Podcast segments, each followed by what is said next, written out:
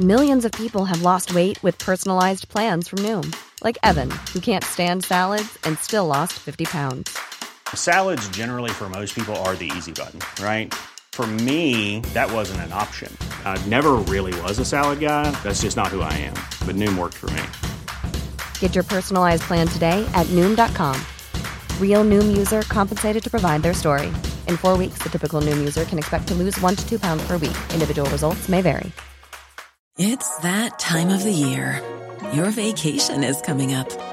You can already hear the beach waves, feel the warm breeze, relax, and think about work. You really, really want it all to work out while you're away. Monday.com gives you and the team that peace of mind. When all work is on one platform and everyone's in sync, things just flow wherever you are. Tap the banner to go to Monday.com.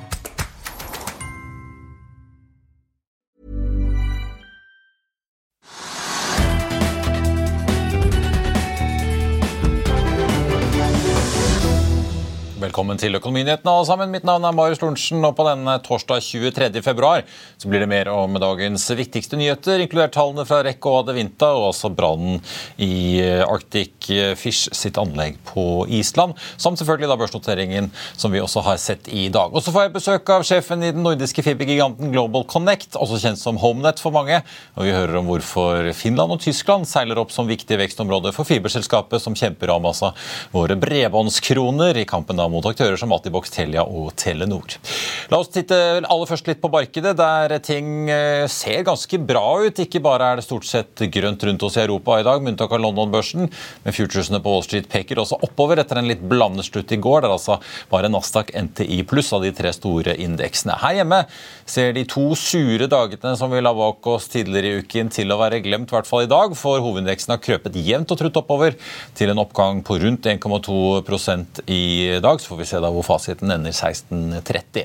Det er aksjer som Kahoot, Autostore, Elmera, tidligere altså Fjordkraft, Flex LNG og Rex Silicon som bidrar til oppgangen. Mer om REC straks. Men eh, vi får jo da sparke i gang holdt jeg på å si, sendingen med å gratulere Sikres Petroleum med Børstebyen i dag. Som vi ser på bildet her altså, så var det konsernsjef Michael Stewart som fikk æren av å ringe børsbjellen i uh, morges. Aksjen har jo, får vi si, ligget fascinerende stabilt på seks kroner aksjen, som altså også er emisjonskursen, som man altså hentet 260 millioner dollar på før uh, ekstra opsjoner. Prislappen var jo tidligere da 10 kroner aksjen, og man planla opprinnelig å hente et beløp nærmere 200 millioner dollar. Men dette ble jo da justert eh, får vi si, opp i forrige uke, altså emisjonsbeløpet, mens prislappen ble kuttet kraftig, altså fra 10 til 6 eh, kroner. Som vi snakket om i morges, så er jo fondet Sikrest ikke med i denne runden, i hvert fall, med mer frisk kapital og Deres eierandel faller dermed fra en tredel omtrent til rett under 10% av Sikrest Petroleum.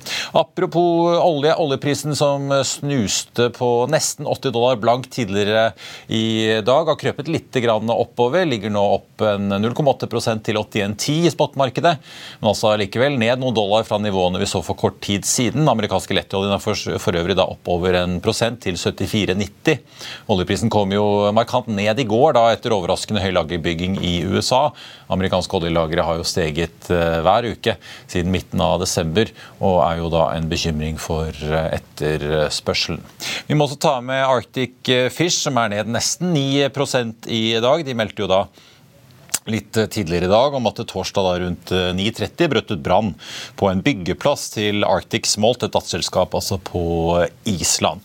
Så skal vi se hvordan utviklingen der går videre.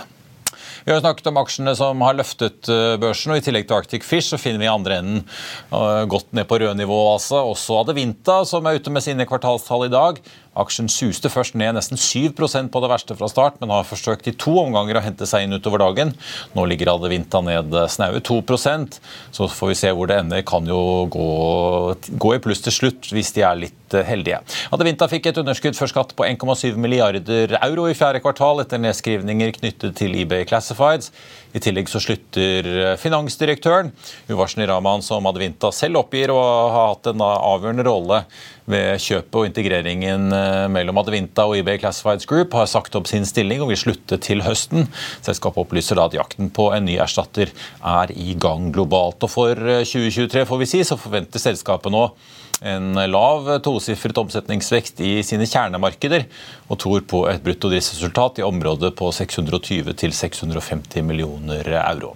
Et par råvareaksjer som også har vært å nevne. Høyt på vinnerlisten i dag så finner vi Nordic Mining, som stiger nesten 8% etter at datterselskapet Nordic Rutil har signert en investeringsavtale med Orion Resource Partners for da Engebø-prosjektet, hvor de altså har varslet en emisjon som skal da være den siste brikken i finansieringspuslespillet til eh, Engebø-prosjektet. Som altså blir det første store gruveprosjektet i Norge på lang lang tid. Norsk Titanium ligger helt i topp i dag, etter en oppgang på over 20 vil du bli oppdatert på det viktigste som har skjedd innen finans og næringsliv? Da er det bare å følge med, for hver morgen er jeg, Marius Lorentzen og aksjekommentator Karl Johan Malnes på plass i studio for å ta tempen på dagens marked i Børsmorgen. Og hver ettermiddag oppsummerer vi alt du trenger å vite i økonominyhetene, og det blir selvfølgelig masse interessante gjester. Klikk deg inn på fa.no-tv, eller søk opp Børsmorgen og Økonominyhetene der du hører på podkast. Rekk nå en aksje det har vært eh, mye handel i en god stund, og som startet ned et par prosent på kvartalsrapporten litt tidligere i dag, men som har sust opp til en solid oppgang på mellom 7 og 9% nå utover dagen. Selskapet går jo fortsatt solid i eh, minus, og det er jo da hva som skjer med gjenåpningen av fabrikkanlegget Moses Lake, og hva de skal gjøre med gjelden som forfaller nå over påske, som er de to tingene som er viktigst å følge med på. Pareto skriver at det er imidlertid ikke gitt mer eksplisitt finansieringsinformasjon, i sum en nøytral rapport med begrensede nyheter, skriver de i sin oppsummering. Analytiker Jonas Fremming i Sparbank Markets derimot var ikke like fornøyd. Han slakter Rex rapport og spår kursas og emisjon. Her er hva aksjekommentator Karl Johan Målnes hadde å si om REC på Børsmorgen i morges. Det er klart, Når du eh, som regel en CFO skal fornye en uh, ny gjeld, så begynner man jo et år i forveien. og Nå er det seks uker til det forfaller, og de sier de har god tid. Og de regner med at finanskostnadene uh, går ned. Så det virker jo som at det han var tenkt å ta et større ansvar for, for de ser jo at de klarer ikke å finansiere dette her. Når du hadde 11,5 i nullrente, så renten er på vei opp med 5-6% så blir dette her ganske vanskelig. Da. Men, men, men det, det, det, igjen da, alt, alt, de gjør, er alltid mye dårligere enn forventa, og så lover de alltid en masse ting. Eh, og Det aller viktigste her er jo at de sier at de kommer aldri til å offentliggjøre detaljene for den eh, take or pay-kontrakten. Og fordi, og, du kan ikke ha et børs... Altså Avtalen der storaksjene Hanva skal kjøpe deres produksjon ja. av silisium? Du kan ikke ja. ha et børsnotert selskap eh, som har 100%, 100 eh, levering, take or pay, eh, med, med, sånne terms som dette her. Og, eh, laveste nivå her på EBITDA er 100 millioner da, i nedregn, men det inkluderer jo 54 millioner i subsidier. Da. Så dette her er kjipesen. Det er, det er liksom, Du er hyrt inn til å være midtstopper, men du er femte- og sjettemann. Du er egentlig helt ute i kulden, og du blir behandla veldig dårlig. Og, eh, dette er ikke noe som man bør finne seg i. Det er bedre å kjøpe eh, egenkapitalbevis. Da vet du hva du får lokale sparebanken. Han er også kjip på sin måte, men da får du jo skikkelig avkastning. ja, det, og det funker. Godt og traust. Ja, godt og traust. Ja, tikker og går. Ja, men apropos... Men, men ellers, det er jo viktig at veldig høye strømpriser i Montana, så de må jo ta ned produksjonen. så du har du har minus 74 EBITDA-margin. Og, og, det er klart, ja, På den Butte Montana? Butte Montana, ja. Og, det er klart, og det er jo fordi at de bruker ren elektrisitet, water power, men det har blitt veldig dyrt. Det, det er kamp om den her. og Det er klart, det er jo bare de mest lønnsomme businessene som har råd til den grønne energien. Da, og da, da er jo du tilbake til det det er mest av i Wyoming og Montana. Det er jo kull. Det er jo, ja. Hvis du skal ha dette til å gå. Men det, det, er, for, det er de for fine til. vet du, Det skal ikke de ha. Uh, ja. Hva sier de om gjelden sin, da? Nei, De sier ja, god tid. Det skal komme en løsning i god tid, og det er seks uker til. Så det, det er omtrent som når jeg får, får uh, beskjed om å rydde i garasjen. ikke sant? Slapp av. Ikke minn meg om dette hver tredje måned. Lenge til vår, ja. Ja, men det er jo eh, fra spøk til alvor ikke lenge til påske. og Ting tar jo tid. Likevel, da. Nei, men det Så det begynner vel å haste litt? Nei, det her eh, Jeg tipper han var går inn, så får du eh, tipper de går inn. Altså, De bør ta selskapet av børs. Du kan ikke ha eh, dette selskapet. Du kan ikke ha et selskap som dette her på børs der du ikke vet noe om hvilke terms inn- og 100 av inntektene knyttet til den fabrikken. Da skal vi snakke fiber, det de færreste kanskje ser, men som sørger for å fòre datasentrene, mobilnettene og bredbåndsnettene vi bruker bare mer, mer, mer og mer av, virker det som. Og det er jo en bransje med mye penger i spill også. Ikke bare investeres det voldsomme summer hvert eneste år, men som vi så for ikke så lenge siden, så er det mange utenlandske fond, som KKR annet, som er villige til å bla opp milliardbeløp for å få en plass rundt bordet her i Norden, slik de da gjorde med Telenor. Nå skal vi snakke med en av de andre store aktørene her i Norge og Norden, som eh, så mange har vært eh, kanskje i kontakt med gjennom merkenavnene Homenet og Broadnet i sin tid, men det er nå historie. For nå har dere jo samlet alt under konsernnavnet Global Connect. Konsernsjef eh, Martin Lippert, velkommen. Takk for det, Marius. Kanskje vi skal begynne litt med, med det, da. Samlingen av merkenavnene. Hva er tanken bak det? Ja, men det giver jo egentlig god mening. Øhm, vi er jo aktive nu i øh, fem forskellige lande. Øh, Vi har brukt forskellige markedsføringsnavne i Norge, i Danmark, i Finland, i Sverige. Og, øh, og selvom at vi selvfølgelig er blevet en stor spiller i vores branche, øh, så følte vi ikke, at vi var store nok til ligesom at markedsføre forskellige brands. Så det har egentlig været en plan gennem længere tid, at vi ønskede at samle alt under brandet øh, Global Connect. Og nu var vi kommet dertil, at vi vil rebrande vores BTC-forretning, altså vores bredt-forretning. Og det var jo så det, vi gjorde. Vi traf beslutningen her i øh, september, og vi er gået live med Global Connect som vores eneste brand på tværs af hele koncernen i øh, alle lande. Og dere er jo, eh, Selv om dere ikke har noe mobilnett, så er dere jo store. Dere har over 700 000 kunder, eh, så vidt jeg har sett. I hvert fall Den siste oversikten tikker jo stadig eh, oppover, eid av oppsynsfondet EQT. Skal vi begynne litt med å se litt på 2022? Jeg husker jo I 2021 vel, så omsatte det vel for 6,5 milliarder. Eh, Hvordan endte 2022? Jamen, jeg kan, ikke, jeg kan bestemt ikke klage. Øh, Det har været et øh, ganske fint år. Øh, Vi har holdt en vækstrate, der ligger på den anden side af 10, øh, så vi er altså oppe i double-digit growth, og vi har krydset øh, 7 milliarder mærket. Så alt i alt så har 2022 været et vældig fint år for os. Og Hvordan ser liksom utbyggingstakten ut nå? For vi kan, Man kan jo se litt på hva Altibox, Telia og Telenor eh, driver med rundt i Norden. eh, Men er det fortsatt den samme farten, eller begynner etter hvert liksom markedet nå å bli litt mer modent og litt mer fullt, rett og slett? Det er jo meget forskelligt fra marked til marked. Øh, Hvis du ser på samlet antal nye fiberforbindelser, vi laver i 2022, så tror jeg, at kombination af BTB og BTC, så er vi tæt på 120-125.000 nye forbindelser, vi laver. Og i BTC, som jo er den største af dem, øh, der er det, der er det i underkanten af 100.000 nye linjer, vi laver i, øh, i BTC. Og det er jo sådan, at de, norske, at de nordiske markeder er lidt forskelligt. Øh, Det norske marked er det mest avancerede og pe- og penetrerede marked i Norden. Derefter kommer Sverige, så Danmark, hvor du så har lande som Finland, hvor vi jo netop øh, er startet op, som har en relativt lav fiberpenetration, fordi det har klassisk været meget stærkt på mobil. Og så har du det tyske marked, som jo i den sammenhæng er øh, helt, et helt andet sted. At du er jo i en øh, early øh, teenage øh, penetration med fiber. Og det er jo også, hvis man oplever, hvis man kører gennem Tyskland, der er generelt veldig dårlig infrastruktur i Tyskland. Men der er begyndt at ske nogle ting her. Så du er meget forskellige steder i slutten af af i Norge, mens du er helt i starten i Tyskland.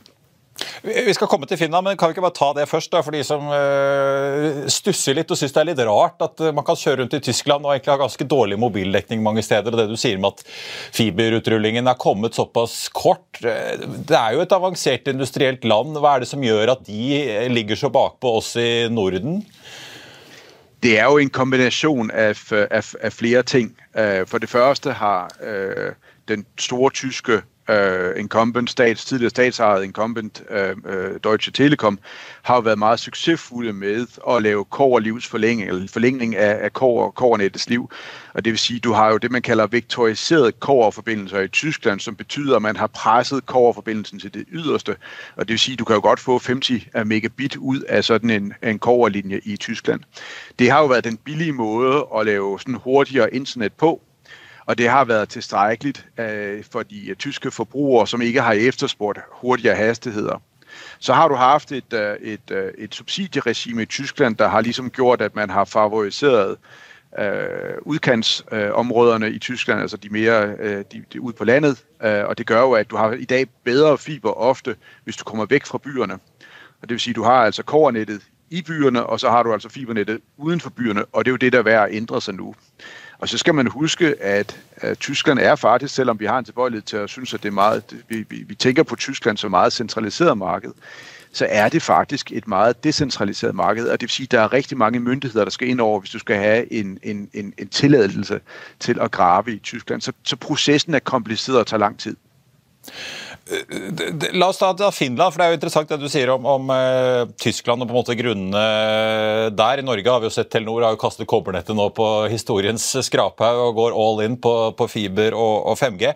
I Finland, litt interessant, de har jo egentlig ligget foran resten av Norden på bl.a. Altså fixed wireless, som det så fint heter, altså trådløs bredbånd over 4G og nå 5G. Uh, nettopp fordi at det er mindre fiber. Dere går nå inn i Finland. Uh, er det for å prøve å bygge opp da et eh, bakkenett, rett og slett? Mm. Quality sleep is essential. That's why the Sleep Number Smart Bed is designed for your ever-evolving sleep needs. Need a bed that's firmer or softer on either side? Helps you sleep at a comfortable temperature? Sleep Number Smart Beds let you individualize your comfort so you sleep better together. JD Power ranks Sleep Number number 1 in customer satisfaction with mattresses purchased in-store. And now, save 50% on the Sleep Number limited edition Smart Bed for a limited time. For JD Power 2023 award information, visit jdpower.com/awards. Only at a Sleep Number store or sleepnumber.com. I'll see you in court. Vi sier det ofte litt på spøk. Men for deg som driver business, er det aldri moro å innse at du ikke har laget en 100% gyldig kontrakt. Du bør ikke risikere hele firmaet ditt fordi du synes dette med kontrakter er litt stress. En avtale er ikke en avtale. Du kan miste kunder, miste venner, ja, til og med miste inntekter om du ikke lager en skikkelig kontrakt, på alt mulig, egentlig. Men vi vet det er et styr. Kopimaskiner, tregprinter og haugevis av papir. Dessuten stoler vi jo på folk her i landet. Det er ofte litt kleint å skulle be om en signatur for alt mulig, ja, for mye av styret handler også om jakten på underskriften. Det finnes en enkel måte å løse dette på, Dukkobit, en trygg, effektiv og get this, gratis måte å sikre seg en god natts søvn pluss en juridisk bindende avtale. Dukkobit-appen har de strengeste sikkerhetskrav i bunn, samt en EU-godkjent og sertifisert teknologi. Framover vil det bli behagelig å spørre du, skal vi skrive under på det, eller? Kom i gang på dokobit.no. Ja, præcis. Igen, det kommer meget an på, hvordan historikken har været. I Finland har du ikke haft den store fastnet-leverandør historisk. Det har været mange lokale uh, leverandører.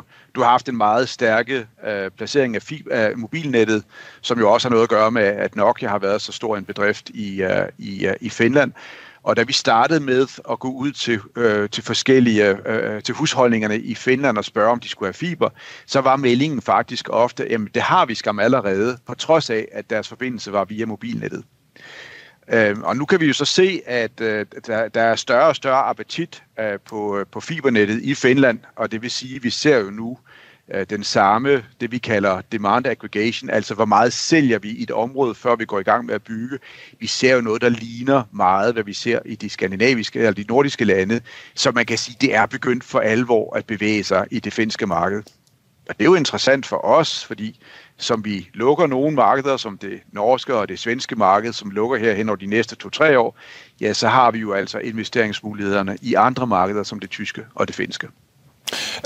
Men uh, si litt, det, Har dere vurdert å gå andre veien? Jeg ser jo konkurrentene deres Altibox og Lyse-konsernet på Vestlandet satt jo som en stor fiberaktør som hele tiden har vært, i hvert fall i Norge, da, ganske banebrytende på å pushe fiber helt fra tidlig 2000-tallet. Uh, de har jo nå kjøpt Ice, men de begynte jo før det å få tak i mobile frekvenser for å kunne tilby fixed wireless, altså trådløst bredbånd. Uh, har dere vurdert det i de andre markedene for å nå de siste hjemmene og kanskje utfordre Telia og Telenor litt på hjemmebane også? Det kommer vi ikke til å gjøre. Det er faktisk veldig, veldig kostbart å utbygge et uh, mobilnett. Og hvis du prøver å lave en sammenligning at Nå snakker du om KKR, der hadde kjøpt en del av Telenors fibernett. Hvis du prøver å lave en sammenligning med hvordan investorer ser folk der laver mobil i forhold til folk der laver som oss rent fiber, så vil du se at Telenor f.eks. handler måske på en åtte eller ni ganger deres inntjening. Det samme gjør Telia. TDC er faktisk endnu lavere, hvorimod at fiberleverandører blir jo betraktet som langt mer kostbare. Og det er jo fordi, at selvom at mobil er en fin teknologi, så kommer der en ny generation om fem år. Den er dyr å implementere men du får ikke flere penge for dine services. Og det er klart, Norge, som jo er, øh, jeg tror faktisk uden undtagelse, Europas dyreste marked øh, i forhold til mobiltjenester, jamen selv i Norge, der har du altså investeringer hver fire-femte år, når du skulle lave en, en ny øh, generationsimplementering af mobilnettet, uden at du får flere penge ud af forbrugerne. Og det gør jo bare, at man som investor betragter fibernetterne på et helt anden måde, end man betragter mobilnettene på. Skal vi snakke litt om, om, litt apropos det som skjer i markedet. Jeg tenkte å begynne litt med hva som skjer hos dere. for altså I, oktober så annonserte da IQT, eh, eieren din, holdt jeg på å si, at de hadde fått, eller de får med da en, en ny minoritetsinvestor, uh, Mubadala, dette statseide fondet i Abu Dhabi. Det, det, ble skrevet fint lite om vilkårene, men ifølge Bloomberg verdsetter den avtalen, avtalen dere altså til over 7 milliarder dollar. så det er jo, Jeg vet ikke om du vil kommentere det, men det er jo i hvert fall voldsomme summer. Eh, men jeg vil også bare høre litt, altså det at det kommer inn et fond fra Abu Dhabi, påvirker det deres evne til å tilby tjenester til offentlige aktører i Norden og sånn. Det har jo blitt en ganske annen diskusjon etter invasjonen av mm. Ukraina og med Kinas mm. fremtog. Så, så, blir jo på en måte hele sikkerhetspolitiske vurderingen, som vi bl.a. hører Nato-sjefen snakke mye om, noe helt annet enn det diskusjonen var for fem mm. år siden. Mm. Altså man kan sige, man kan jo betragte det på samme måde som at der er en vis del af Telenor, en vis del af Telia-koncernet, som bliver handlet rundt på børsen. Du ved ikke nødvendigvis, hvem der ejer øh, alle aktierne i øh, Telenor. Du ved ikke nødvendigvis, hvem der ejer alle aktierne i Telia, men det påvirker jo ikke Telenors daglige drift. Og sådan er det jo fuldstændigt for os. Den eneste forskel på os og på de andre er, at vi jo altså ikke et listed company, men vi er jo private health company, men det er jo fuldstændig på samme sæt og vis. Nu er der altså 15 procent af vores aktier, der er blevet solgt til en ekstern investor. For dem er det jo en ren uh, finansiel uh, investering. De får jo ikke nogen indflydelse på driften, præcis som en mindretalsaktionær i Telia eller en mindretalsaktionær i Telenor ikke vil have indflydelse på driften i de to bedrifter. Så der er det helt øh, på, på linje med, og ingen forskel for, hvordan det øh, forholder seg. Men, men, hvordan opplever dere selv i bransjen at dere, søkelyset dere får på, på måte, dere som aktører da, fra, fra, myndigheter og politikere? Jeg ser jo Telia og Telenor har jo valgt bort Huawei for eksempel, som leverandører til mm. deres mobilnett. Er det et mye mer søkelys på hva slags leverandører dere bruker, hva slags eiere dere har, og den type ting mye mer nå enn det det var før? Jeg synes, det er helt fair. Du skal jo tænke på, at øh, Global Connect, nu nævnte du selv i din indledning, at ikke alle kendte Global Connect, men faktisk, så hvis du tager de tre nordiske lande, Danmark og Norge og Sverige, så bærer vi cirka 50 procent af al den internettrafik, der går til regionen og ud. Og det vil sige, at alle nordmænd bruger vores tjenester dagligt. De er ikke bekendt med det. Fungere, ja. så, så man kan sige, vi er jo kritisk infrastruktur. Vi er kritisk infrastruktur i Norge, Uden oss så vil der være rigtig mange centrale elementer i det norske samfunnet som gikk i stå. Det samme i Sverige, det samme i Danmark. Så selvfølgelig må der være den form for politiske og myndighedsinteresse for, hva vi gjør. Det synes jeg er helt fair. Og det er et ansvar, vi påtager oss, og det er et ansvar, vi tar veldig alvorlig. Så det mener jeg er helt naturligt.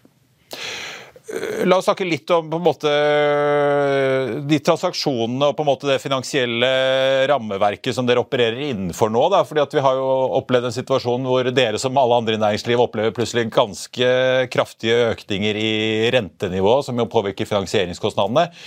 Eh, vi har sett i hvert fall Telia-sjefen være ganske åpen på at eh, den økning i renter den setter en stopper for de transaksjonene som både de, de og Telenor eh, driver med med å selge unna eierandeler i master og, og fibernett, i hvert fall inntil mm. videre. Hvordan ser du at økning i rente påvirker bransjen? Dere tar jo selv mye lån for å finansiere all denne fiberutbyggingen. Mm, mm. Vi har jo sikret vores finansiering frem til uh, i hvert fall 25-26, så vi er faktisk uh, Det klarede vi faktisk før renten for alvor steg. Så vi er egentlig uh, i den situasjonen at vi påvirkes selvfølgelig også av rentestigning, men ikke i alvorlig grad. Faktisk så tror jeg egentlig at i 2022 ble vi påvirket mer av stigning i strømpriser end vi blev påvirket af rentestigningerne. Man bruger altså relativt meget strøm, når man driver datacentre og driver øh, fibernet. Heldigvis ikke så meget som mobilnet, parentes bemærket. De bruger fem eller seks gange mere, end vi gør. Mm.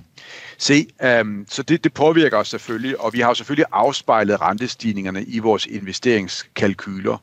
Men det er jo en af fordelene ved at være øh, en spiller som os, der er aktive i mange forskellige lande. Fordi vi kan jo flytte vores investeringer fra et land til et andet, hvis det er mere attraktivt. Og vi har masser, masser af investeringsmuligheder, også med nogle meget, meget acceptable tilbagebetalingstider, som selvfølgelig i forhold til mange andre brancher stadigvæk er lange, men vi har den fleksibilitet, fordi vi er aktive på tværs af fem lande i, øh, i det nordlige europæiske marked. Så ja, det, det påvirker, og vi ser selvfølgelig, at det påvirker andre spillere, som vi nævnte, vi snakker om Tyskland før. Vi ser jo, at en række spillere trækker sig fra det tyske marked. Jeg tror da, at rentestigningerne er en medvirkende årsag. Men, men lad os se, hvordan det sætter sig. Det hele er en lille smule sådan usikkert øh, for, for, for nærværende, så det er lidt uklart præcis, hvordan det kommer til at påvirke vores branche på den lidt længere bane. Ja, fordi altså Uansett om man bygger fibernett eller mobilnett, så vil jo alltid på måte, den første kabelen eller første masten vil jo være den mest lønnsomme. Det er der det bor mest folk, og så bygger du lenger og lenger og lenger ut. Men de økte rentene og økte finansieringskostnadene, tror du at det vil så ikke bare for dere, men for fiberbransjen i Norden gjøre at eh, en del utbygginger på marginalen til de siste nabolagene, de siste små kommunene, kanskje blir utsatt eller ikke blir noe av fordi at eh, det blir ikke lønnsomt nå, sammenlignet med hva det var for to år siden? Det er jo klart, hvis, øh, når, man, når man laver sådan en case her, så kigger man jo selvfølgelig også på, hvor mange penge man investerer. Hvis det koster flere penge at bruge den kapital, jamen så vil det flytte marginalen, som du siger. Så, så, så projekter, som før var attraktive, kan jo nu rykke tættere på grænsen. Så på den lange bane, ja, så er der ting, som bliver påvirket. Men det er derfor, jeg siger, vi flytter jo bare vores fokus til andre områder for nærværende. Men hvis denne rentestigning er permanent, så vil det påvirke, det har du ret i, så vil det påvirke, hvor høy en penetrasjon av fibernet vi kommer opp i. Til slutt, Martin, så tenkte jeg å høre litt om noe litt så større kan jeg nesten kalle det regionale prosjekter som dere er involvert i om uh, dagen. Den ene er jo fiberkabel til uh, Tyskland. Ja. Men dere er også involvert i dette North Sea Energy Island i, i, Danmark. som jo blir, hva skal man kalle det, en slags energifornybar øy. Som jo åpenbart er et, et, en, en, virksomhet utenom de klassiske tilkoblingene av bedrifter og, og hjem. Hvor mye interesse, eller, eller altså, hvor mye vekst kan dere få på en måte utenom de tradisjonelle tilkoblingene typ, da, med denne energiøyen utenfor Danmark? Mm. Vi investerer jo generelt med ret langt sigte for øje. og det vil sige, at, at når, vores investeringsplaner er jo typisk noget, der går i uh, minimum 5 og faktisk ofte både 10 og 15 år frem i tiden. Og hvis du tager sådan et projekt som Energiøen, så er det jo et eksempel på en investering, som har et meget langt sigt. Jeg tror, øen skal være uh, i, uh, i produktion i 2029 eller 30, så det er jo i sig selv mange år frem i tiden. Men det er jo massive projekter, ideen er jo, at man skal producere, jeg tror det er 13 gigawatt ude i Nordsøen bare på det første område. Og det er jo altså, jeg tror Danmarks samlede forbrug uh, på, på, på, på strøm er cirka 4,5-5 gigawatt, så det er, jo, det, er jo, det er jo vældig meget strøm, man skal producere. Det er jo ikke det eneste projekt, der er den slags. Der findes projekter nede i uh, området mellem Danmark Holland, og Tyskland. Der findes tilsvarende projekter i Sverige og i den botniske bugt, og der findes projekter omkring Bornholm. Så der er rigtig mange af de her projekter. Og i alle de her store energiøer, der har du brug for fiberinfrastruktur. Og det er jo egentlig det, der er vores interesse, både at være med til at lave den form for infrastrukturudbygning, men egentlig også, fordi det giver os nogle fordele, da vi kan genanvende noget af de øh, kabler, for eksempel til at etablere uh, bedre forbindelser ind til Norden mod for eksempel Nordamerika eller, eller de enkelte de britiske øer. Så vi ser det jo altid i en større sammenhæng med en lang horisont, og derfor så har vi både fokus på det, der er det nære og korte, lige så vel som vi har fokus på, hvad der rent faktisk ligger langt ud i, uh, i fremtiden. Og I denne verden åpenbart så trengs det jo masse fiberkabler, men til slutt er det sånn dere vurderer å ekspandere dere utover i verdikjeden, eh, oppover til eh, datasentre eller mer tjenester på toppen av dette fibernettet, det dere har i dag? Vi er faktisk allerede aktive i, i datacenterbranchen, men altså vores vi ser oss selv som et infrastrukturbedrift. For oss der er det vigtigste egentlig at bygge og drive infrastruktur, der har en lang holdbarhed, og det er jo fiber. Så for nærværende har vi ikke nogen planer om at, øh, at forandre, forlade den teknologi. Og jeg tror faktisk, kan man sige her til, til slut, kan jeg jo nævne, at jeg tror, vi satte øh, verdensrekord i, eller i hvert fald europarekord i, øh, i hastighed her øh, for et par uger siden, hvor vi kørte 1,2 terabyte igennem en enkelt fiberforbindelse. Så øh, der er jo masser af kapacitet for mange år fremad i de fiberkabler, vi lægger ned i den nordiske muld. Det får vi eh, satse på. Vi hadde besøk av Smart Optics her for ikke så lenge siden, som selger jo komponenter til fibernett, og de så heller ikke noen begrensninger i veksten med det første. Nei. Martin Lippert i Global Connect, tusen takk for at du var eh, med oss. Og som alltid, har du ønsker om aksjer vi skal eh, analysere eller se nærmere på, eller gjester vi skal invitere, send en e-post til tvtips at finansavisen.no. Vi får jo veldig mange e-poster, så vi prøver jo å ekspedere dem en etter én, men det er i hvert fall veldig hyggelig at dere tar kontakt. Vi må bare runde av det som ser ut til å bli en ganske hyggelig dag på Oslo Børs, altså, etter et par sure dager.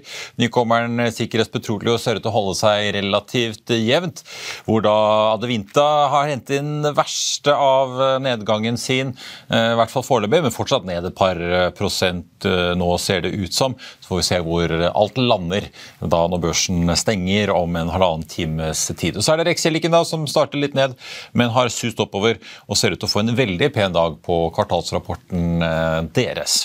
Ellers så kan du i avisen i morgen lese at Tajik is back. Ja, Det skriver i hvert fall Trygve Hegnar i sin leder om altså Hadia Tajik, og at hun er på vei tilbake i nesten manesjen, kan vi vel si. Du kan også lese mer om at skipsmeglerhuset Westshore Shipbrokers i Kristiansand er solgt. Du kan lese om at eh, Nordea Markets sine makroøkonomer jekker opp den forventede rentetoppen de ser både i USA, eurosonen og Norge. Så dårlig nytt for boliglånskundene der, altså. Så blir det mer om en opsjon opsjonsfest i Otovo. Og selvfølgelig masse mer om alle kvartalsrapportene og kvartalstallene som har kommet siden sist. Da er vi ved slutten av denne sendingen. I morgen er det jo fredag, dere, så da er vi på luften igjen her i Økonominyhetene klokken 13.30 med Trygve Hegnar på plass i studio. Før den tid så er det Børsmorgen 08.55. Der skal vi etter planen både få med oss konsernsjef i SI Sanko Vandar Werf, som er ute med sine kvartalstall, og vi får også besøk av DB Markedsanalytiker Simen Mortensen, som altså både dekker NRC, som har kommet med tall denne uken, og ikke minst også masse eiendomsaksjer, så det ser vi frem til. I mellomtiden så får du selvfølgelig siste nytt som alltid på FA.no. Mitt navn er eh, Marius Thorensen. Takk for at du så eller hørte på. Vi ses.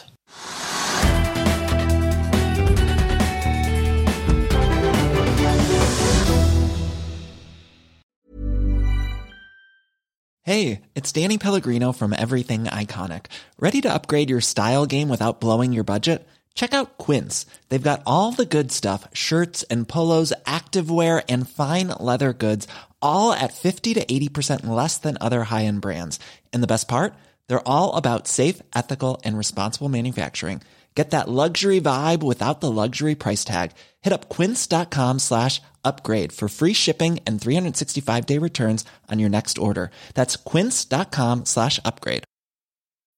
When you need mealtime inspiration, it's worth shopping Kroger, where you'll find over 30,000 mouthwatering choices that excite your inner foodie. And no matter what tasty choice you make, you'll enjoy our everyday low prices, plus extra ways to save, like digital coupons worth over $600 each week. You can also save up to $1 off per gallon at the pump with fuel points. More savings and more inspiring flavors make shopping Kroger worth it every time. Kroger, fresh for everyone. Fuel restrictions apply. Økonominyhetene er en podkast fra Finansavisen. Programledere er Marius Lorentzen, Stein Ove Haugen og Benedikte Storm Bamvik. Produsenter er Lars Brenden Skram og Bashar Johar.